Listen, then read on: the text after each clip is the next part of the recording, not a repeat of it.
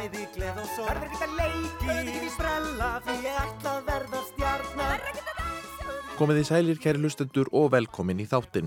Ég heiti Karl Pálsson og er snúin aftur með enn fleiri söngleiki samtímans. Í seinustu þáttaröð fórum við víða og kynntust því besta og ferskasta af Broadway og West End. Þar var skautað yfir söngleiki eins og Beetlejuice, Mean Girls, Hamilton, Hadestown og marga fleiri en nú beinum við aðteglinni annað. Broadway og West End eru vissulega komin aftur á skrið eftir leiðinda COVID-pásu og er nógum að vera þar sem ég geti fjallað um en það er sjálfgeft að jafnmargir nýjir söngleikir hafi verið frumsýndir hér á litla Íslandi og undanfarið. Þannig að söngleiki samtímans eru allir íslenskir að þessu sinni.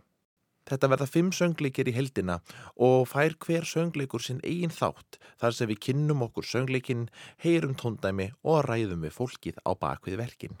Allir söngleikinni fimm deila þó sviðsljósinu í þessum fyrsta þætti því ég ætla að kynna þá stuttlega. Og það er ekki eftir neinu að býða, við skulum vind okkur í þann fyrsta. Fyrstur í rauðinni er nýju líf í uppsetningu borgarleikosins. Áhörundur hafa þurft að býða í eftirvæntingu eftir að þessi söngleikur komst á skrið. Það tókst að frumsínan 13. mars 2020 og sína heilar þrjár síningar áður en samkomu takmarkanir vegna COVID-19 lokuðu leikúsunum. Rúmlega ári síðar fóru síningar aftur af stað og hafa heldur betur heilla líðin en tekja hverjum degi sem við fáum söngleik um Bubba Mortens.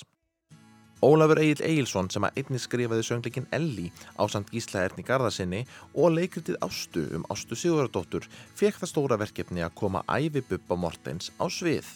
Hann fann líkilinn að síningunni ekki alveg strax en svo frá boltinn að rúla þegar hann ákvað að það erði ekki eitt leikæri sem að léki Bubba, heldur átta. Ég ræði við Ólaf Egil í þættinum. Hvernig er handritsferlið? Hvar byrja maður þegar maður gerir söngleikum Bubba Mortens? Á alveg óskaplega yfirgripsmikilli og endalösri heimildavinnu. Já, er það ekki? Um, auðvitað líka með Elli og, og, og svo líka í, í verkinu sem ég gerðum Ástu Sigurðardóttur uh, og, og auðvitað í öllu sem að skrifa það er alltaf einhver heimildaföflun en með Bubba þá varð hún ansi fyrirferða mikil vegna þess að Bubbi hefur verið svo mikið í fjölmiðlum uh mhm. -huh. og það liggur eftir hann svo mikið af efni viðtölum og, og hann er duglegur við að tjá sig og hefur skoðun á, á flestu og hann er spurður í gegnum tíðina hafa, hefur fjölmjöla fólk leitað til Bubba til að fá svona hressandi vingil á hlutina því að hann hefur verið hispurslaus og tala beint frá hjartanum. Ég held að svona á, á ákveðnu tímabili þarna bara upp úr 8-10 að þá er uppi í einhverjum fjölmiðli dagblæði, útvarpi eða vikublaði eða ákverjum einasta degi.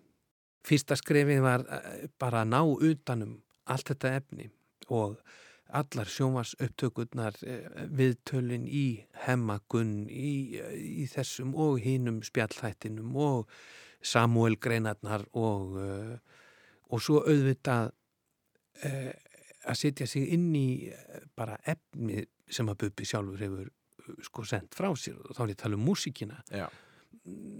þetta er nánast einstæmi í heiminum. Að, að sko einn maður svona eiginlega já, hann bara tröll rýður íslenskum eh, tónlistarmarkaði. Hann gefur út á tímabili tvær plötur á ári og þetta er 8-900 laga katalókur og svo eru til alls konar útgáfur af sumum lögum og, og þau eru, eru öðruvísi á á uh, kassettu upptökum sem að maður finnur af tónleikum í Norranna húsinu eða í stúndakjallaranum og, og svo þau eru komin á plötu nokkrum árum setna og, og uh, yfir þetta allt saman var það leggjast og, og ná utanum og það var e, margra, margra, margra mánada verk. Hlustaður okkur einasta lag eða? Já, ég held ég hafi gert það. Uh, já, ég held ég hef við hlusta á öll bubalögin. Ólafur er ekki eini viðmælendi þáttarins því ég spjallaði einnig við Halldóru Geirharsdóttur sem að leikur Ego-bubba. Bubbi í þessum, á þessum 40 ára ferli eða hvað það er hann hérna hann fer alltaf upp fyrir öll kerfi og hann leikur ekki eftir reglunum sko.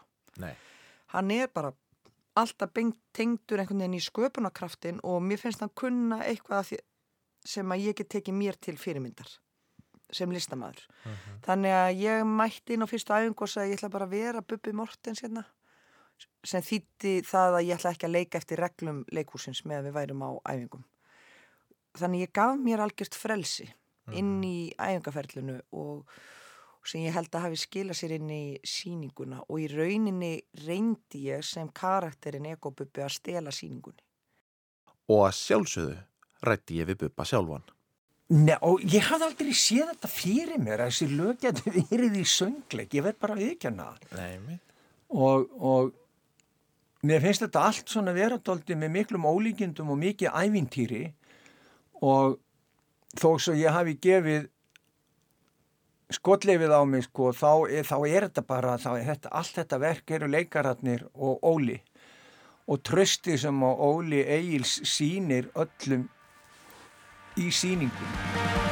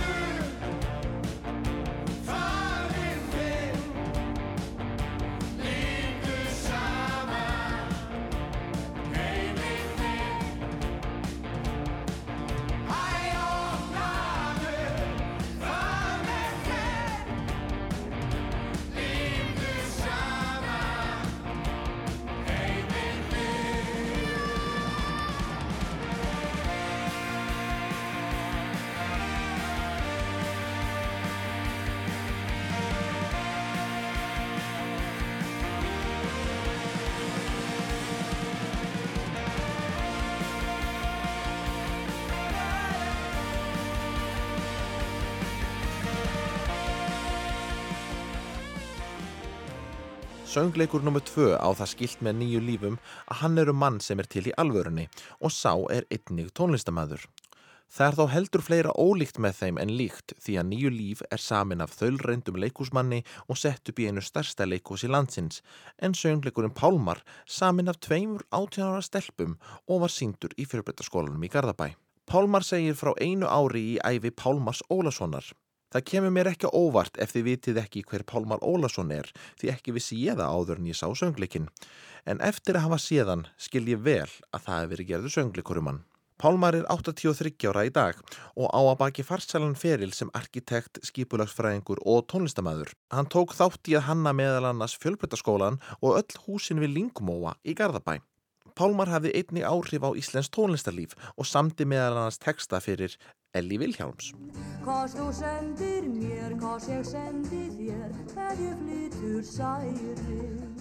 Og Haug Mortens. Horðu á mánan út á sæn Horðu á laufin á trjánum sín leika við blæn Einn af fjöðrunum í Pálmars er svo að hann er afi tinnu Margreðar Harkelsdóttur en hún samti einmitt söngleikin um afa sinn á samt Guðrunu Ágústu Gunnarsdóttur. Eins og áður kom fram eru þær einungis 18 ára. Þannig að þið fáið þarna tækjafæri til að semja söngleik. Já. Eitthvað sem að eflaust hefur kýtla marga að gera. Mm -hmm. Á hvaða tíumbúndi kom hugmyndin að gera söngleik um afaðeintina? Mm, það var sko í skólanum þegar ég var að gera hljóðverkefni. Okay. Að því við ættum að, að vinna með uh, eldriborgurum og þá sem sagt uh, átti ákveð ég að gera um afa. Og ég sem sagt bara byrjaði að tala um afa og eitthvað og og hann eitthvað, já, já, ég þekkti alla þessu Bryndi Skram og, og Áróri Haldórs og, og Bessa Bjarna og alla þessa, ég vann með þeim og ég bara, ha, vannstu með þeim? Og hann bara, já, já, ég var að spila undir og eitthvað. Mm -hmm. Og svo byrjaði hann að segja mig frá því hvernig hann sendi lög frá Ítalju þegar hann bjóð þar heim til Íslands. Mm -hmm. Til Ellir. Já, til Elli, Þa, var alveg, það var alveg svona punktur, sko. Elli var stór punktur. og þá nefnilega, og svo einhvern veginn sáum við þetta bara svona fyrir okkur. Bara svona, já, og svo einmitt vinur hans Ava Afi vissi ekkert hvað hann ætlaði að gera eftir mentaskóla og vinur hans kemur eitthvað já, heyrðu ég ætla að fara til Ítalíalar arkitektur og Afi eitthvað, veistu ég kem með þér þannig að við, við, svona, við sáum það eitthvað fyrir okkur í svona risastóri atriði Já, ég veit að ég vissi ekki þessi strax sko Tinda kom til mér bara, heyrðu ég er með söngleik, ég var bara, ok, segð mér var bara gett rætti Já, við vorum bara í bílnum á rúm hætti og byrjum svo bara að koma með fullta hugmyndum og ákveðum að við ætlum að gera þetta ítaljulag. Já, það, fyrsta, fyrsta lagið sem við sömdum og fengum hugmyndin að var Ítalji. Já, það var bara fyrstu, fyrsta hittingnum okkar. Bara mhm. áður við vissum að við komumst inn. Þá komum við með stefið. Förum til Ítalju, förum mm -hmm. til Ítalju. Emmi. Það er ekki það. Sko flesta, bara stæsti hlutin af söngleiknum var bara spontant hugmyndir sko. Já. Og ég er bara svona, ekki beint spunni, en samt svona svona bara, bara hugmynd eftir hugmynd eftir hugmynd Já, og mm -hmm. alltaf, alltaf svona endur skoða allt sem mann alltaf gerir bara þegar maður sé með söngleik Já Guðrún, hvernig er það að vera partur af tökjamanna höfundateimi og horfast allt ínu í augu við það að þú ert að fara að semja söngleikum æfi afa hinnar manneskjönnur Sum, Sumu myndi kannski finnast þetta pínu stressandi.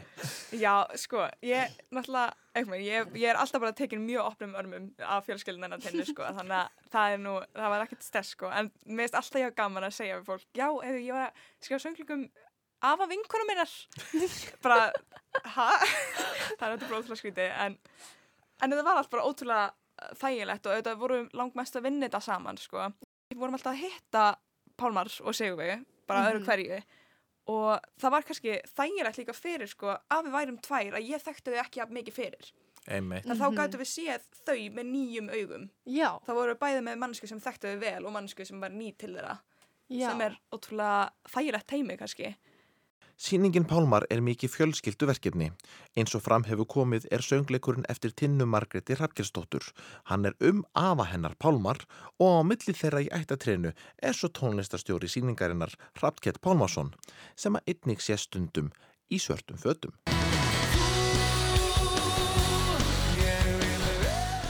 Hvernig er það annars? Nú ert þú eiginlega pínuð svona í miðjunni á þessu verkefni því að ekki, ekki nóg með það að þú ert eflaust einmitt stoltur pappi að fylgjast með dóttur Alveg ríkalega sko. Þá er söngleikurinn um pappa þinn. Akkurat. Hvernig skarast þessar tvær upplifanir? Þetta, veistu, þetta er það er mjög það er erfitt að lýsa þessu vegna þess að þetta, þegar þetta verkefni kom til og, og hún og, og Guðrún þær segja, segja, segja okkur frá því að ætla að gera þetta náttúrulega bara, já, frábært og ég, sko, ég veit ekki alveg hvort að maður trúði því að þetta myndi verða veruleika, skilur við en svo þegar það er byrjuðu og ég man bara eftir fyrsta hérna, mómentinu þegar byrjuðu á fyrsta læginu og það var hérna var, uh, um hérna, Ítalíu þegar þeir ætla að fara til Ítalíu Já. pappi og, og, og hérna og hérna Gilvi og, og það er byrja og ég sé hvert þetta er að fara að stefna? Og þegar maður áttar sig á því að þetta verður að veruleika að ég hérna svo upplifin var alveg ótrúlega sterk og ég hugsaði strax sko þetta er eitthvað sem ég ætla að fá að vera þáttakandi mér langar að vera með. Mér langar að hérna að, hérna, að upplifa þetta með þeim vegna þess að það, það er náttúrulega einstakur kall, hann pappi minn sko. Já og uh, þannig að ég skil vel eftir að, að, að hérna, tinna átti samtal við hann út af skólaverkefni að þessi hugmynd hafi kveiknað vegna þess að þessi, þessi tími í, í hans lífi er mjög, mjög skemmtilegur og áhugaverður og mjög skemmtileg efnistök. Þannig að, að hérna, ég, hérna, tilfinningin er bara algjörlega ólýsandi Við skulum heyra tinnu, guðrúnu og leikópin flytja uppafslægið í síningunni. 1958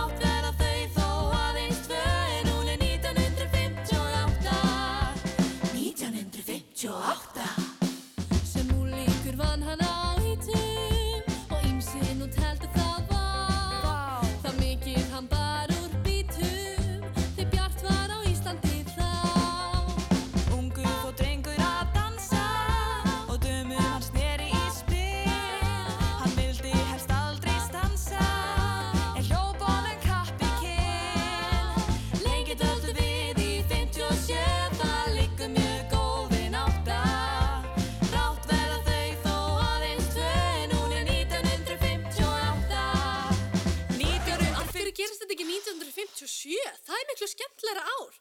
Ég meina, brekk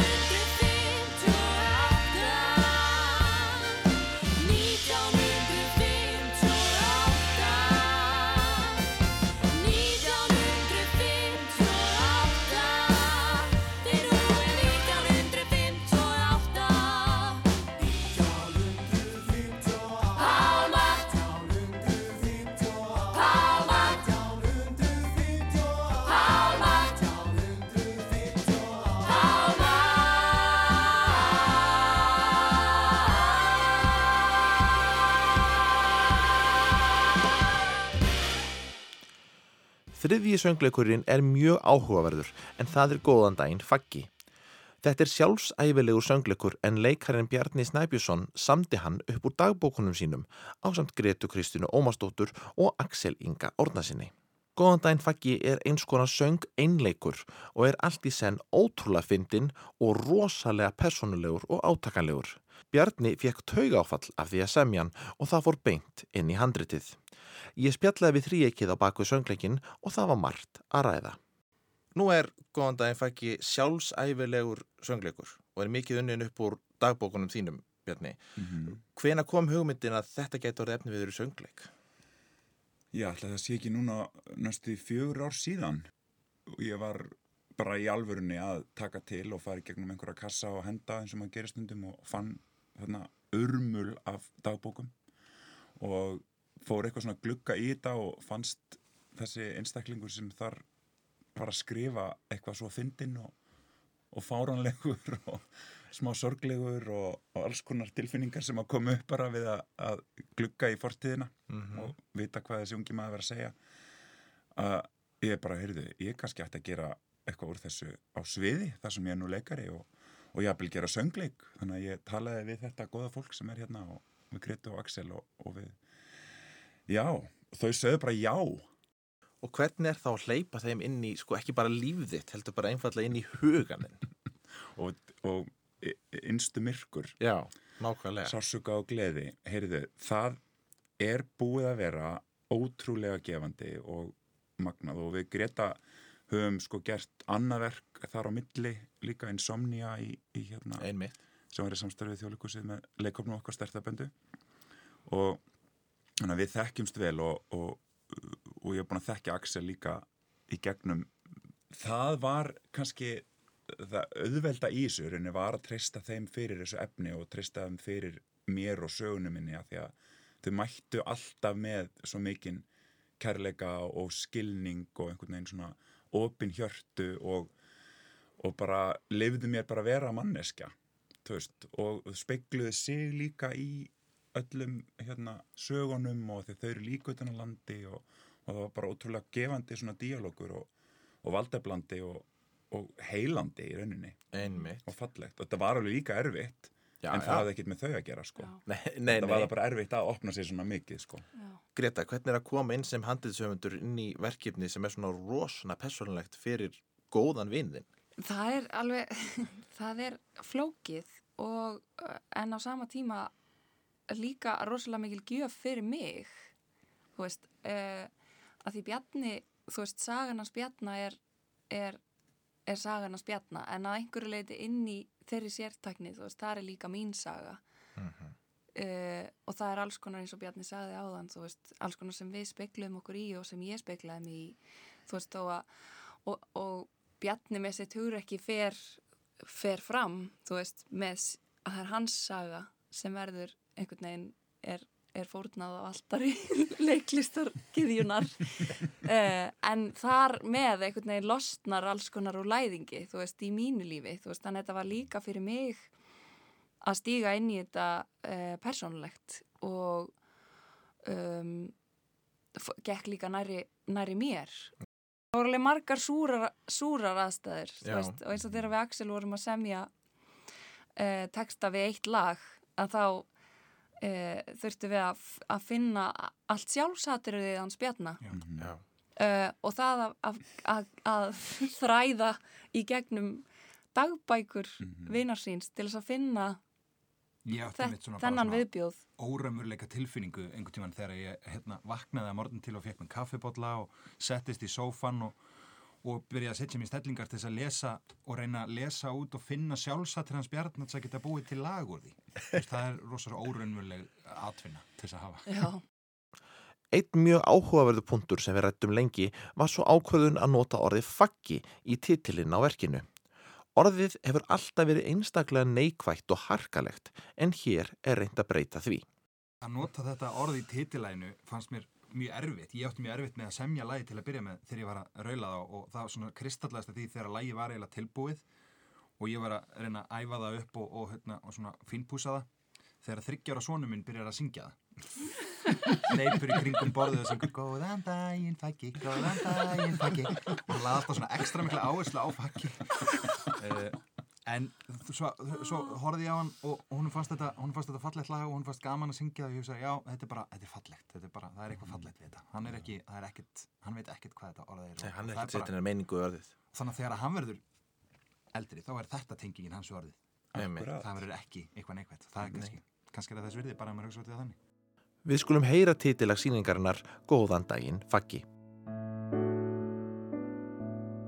Að morgni dags í speilin lítur. Hann sínir sjálfið nú og hér. Þú starir fast augnar ráðu brítur að sjá það sem heimurinn sér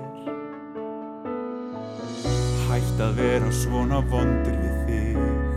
Vertu með sjálfum þér í liði. Horfi í speilin, nú get ég loksinn sagt Góðan daginn, fakki, góðan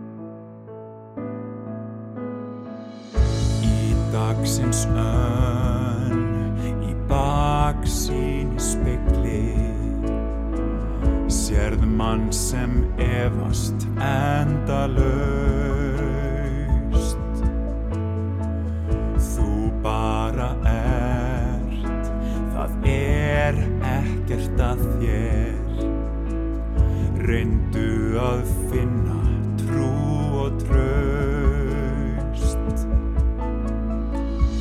hugsanir sem sífælt herja á þig Leifðu þeim að vera í friði. Horfi á sjálfan mig, nú get ég loksinn sagt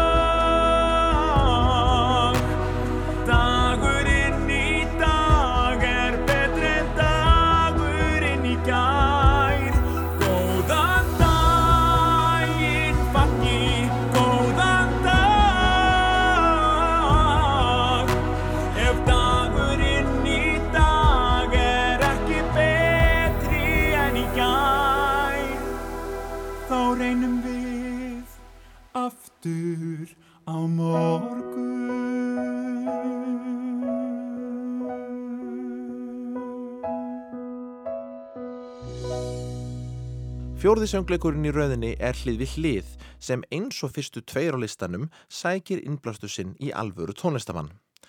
Að þessu sinni er söngleikurinn ekki um tónlistamannin sjálfan heldur skrifuðu þau Höskuldur Þór Jónsson og Berglind Alda Ástórsdóttir alveg nýja sögu og nótuðu til þess tónlist úr smiðju Fridrik Dórs. Þetta er annar glimskrætta söngleikurinn sem að Höskuldur Þór kemur með á stuttum tíma en hann skrifaði einnig söngleik út frá tónlist The Lonely Blue Boys. Og svo kemur hugmyndin að taka fyrir eitthvað dór fyrir og þá saminiði kraftan eitthvað í, í skrifunum. Á hvaða tíampunkti kom svo hugmynd? Það er nú reyndar alveg svolítið síðan. Eh, sko, ég man bara þegar ég fór tónleikana með honum í Hörpunni í Eldborg sem var heldur 2017 að þá sem sagt hérna, þá fekk ég svona, þá fekk ég ekki hugmyndinæru, ég ætla að setja upp söngleik, heldur þá fekk ég svona, það væri ekki hægt að gera síningu úr þessum lögum, eða bara þetta er, Mm. Það er rosa potential í mörgum lögum en það sem bjóð upp á bara þú veist, bara hérna að, bara, bara góð, bara söngleikja uppbygginga eða þannig, sko, eða svona, ég er svona þannig að þar kom eða neistinn, sko mm -hmm. og hérna Þetta er alltaf svolítið svona flott moment hjá þér Já, líka gaman að haldi og munna þér, sko já. en þetta var, þetta var þar, þá mann ég að ég var svona já, býti, þetta gæti alveg actually verið eitthvað, mm -hmm. þegar hann var bara einhvern veginn með fullan sal, fekk eitthvað einhvern veginn -hmm. hljómsveit og eitthvað svona, og þá svona sá ég eitthvað svona, eitthvað glims, þannig að þá kom svolítið neistinn Mm -hmm. en svo var alveg miklu setna náttúrulega, þetta var náttúrulega 2017 og við náttúrulega setjum með Blue Boys 2019 en ég man að ég, þegar ég var að skrifa Blue Boys þá var ég líka svona með þetta alveg komið svona í hausin eða þannig sko mm.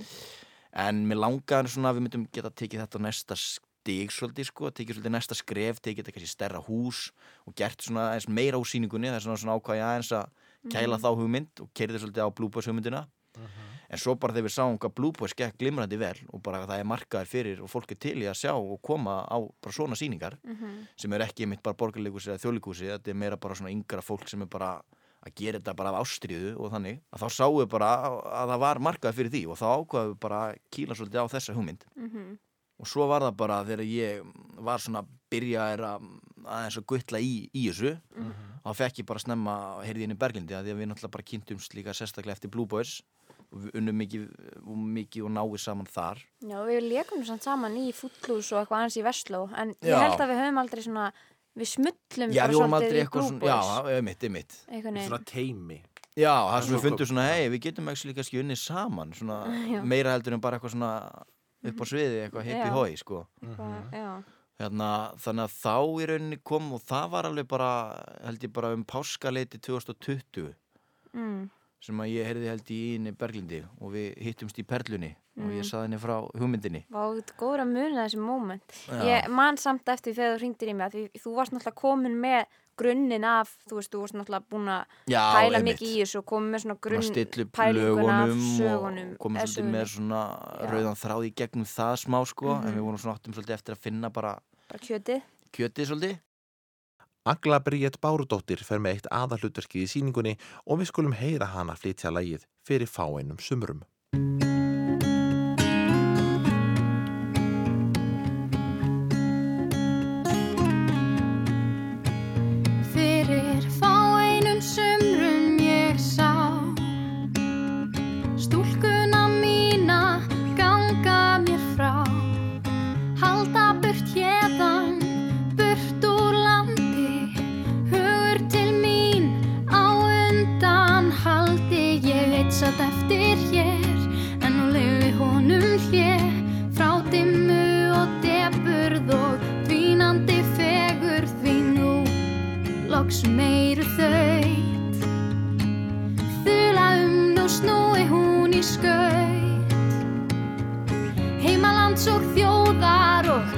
Ljósinn sem bjóðar, já bjálfinn býr þar en Hann beigðum senn eftir því hún sneri heim á ný.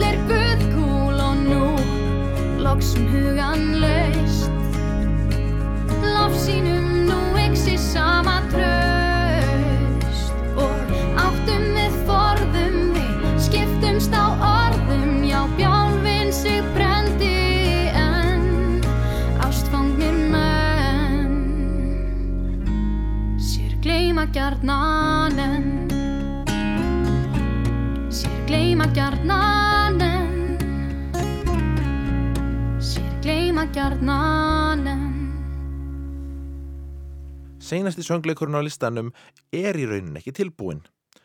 Hvað er hann þá að gera hér? Jú, það er samt búið að sína hann einu sinni. Þetta kann að hljóma undarlega en reynstuboltinn Þór Breiðfjörð ákvaða að fara sömu leið með frumraun sína í söngleikaskrifum og gertir Erlendis og hafa eina pröfusýningu á söngleiknum sínum Rokkarinn og Róttarinn áður en að haldi var áfram með skrifin. Þessi eina síning lofaði mjög góðu með live bandi og miklum krafti og verður spennandi að sjá loka útkomuna hjá þeim. Ég var fyrst líklega að að hugsa um einhvers konar einsmanns síningu. Svo þróaðist þetta yfir í uh, þessi, þetta meðvirka samband millir rockara og rótara. Það er til gömul og ný dæmi um það uh mhm. -huh.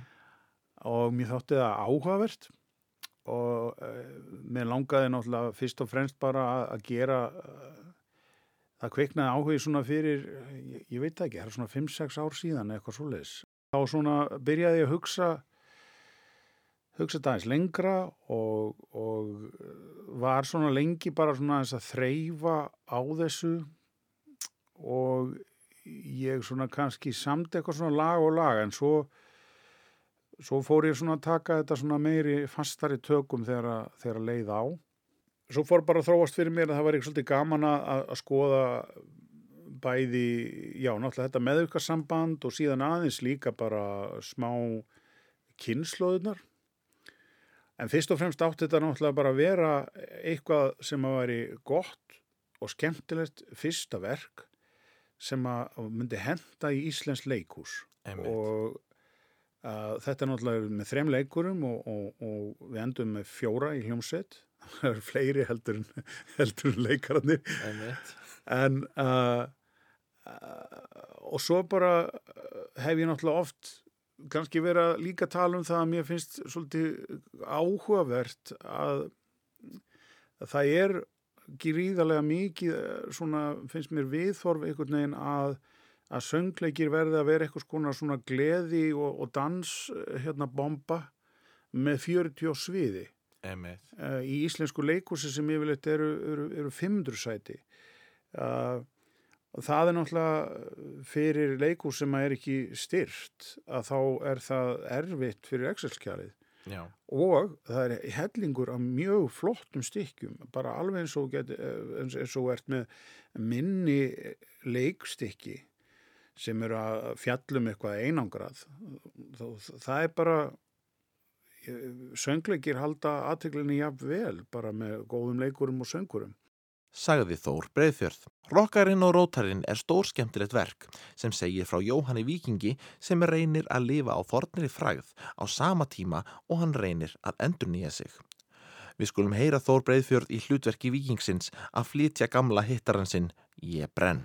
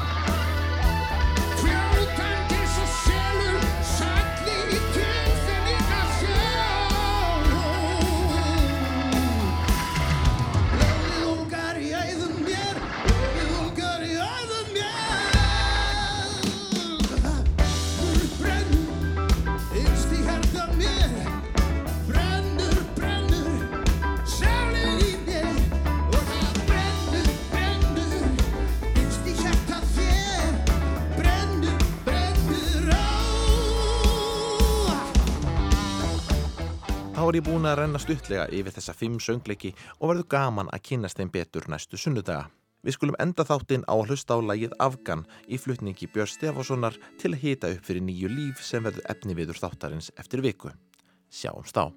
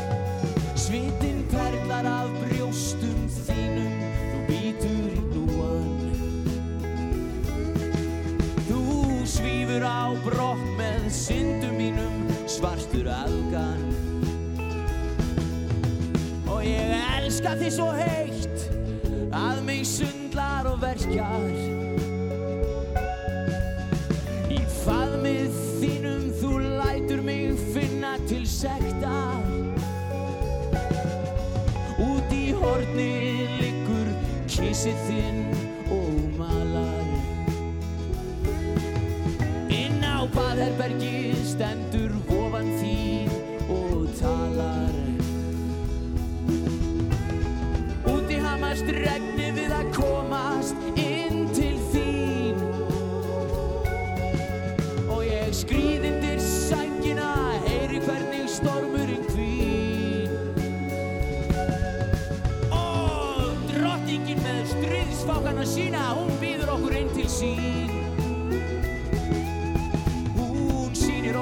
mig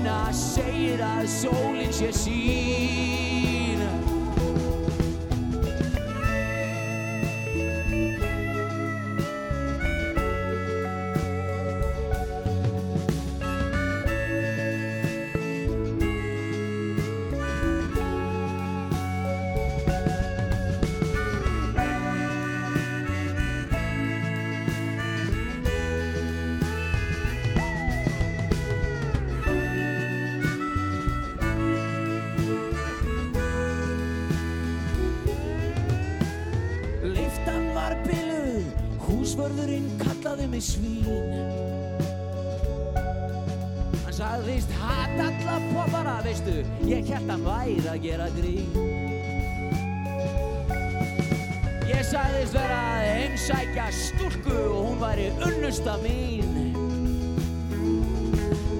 Og hann sagði mér er nákvæmlega sama þó að hún sé ekki stúrkan þín. Þegar ég bankaði á opnaði vofan þín. Hún saði þú varst bara draumur ég hefðað einn séð þig í sín ég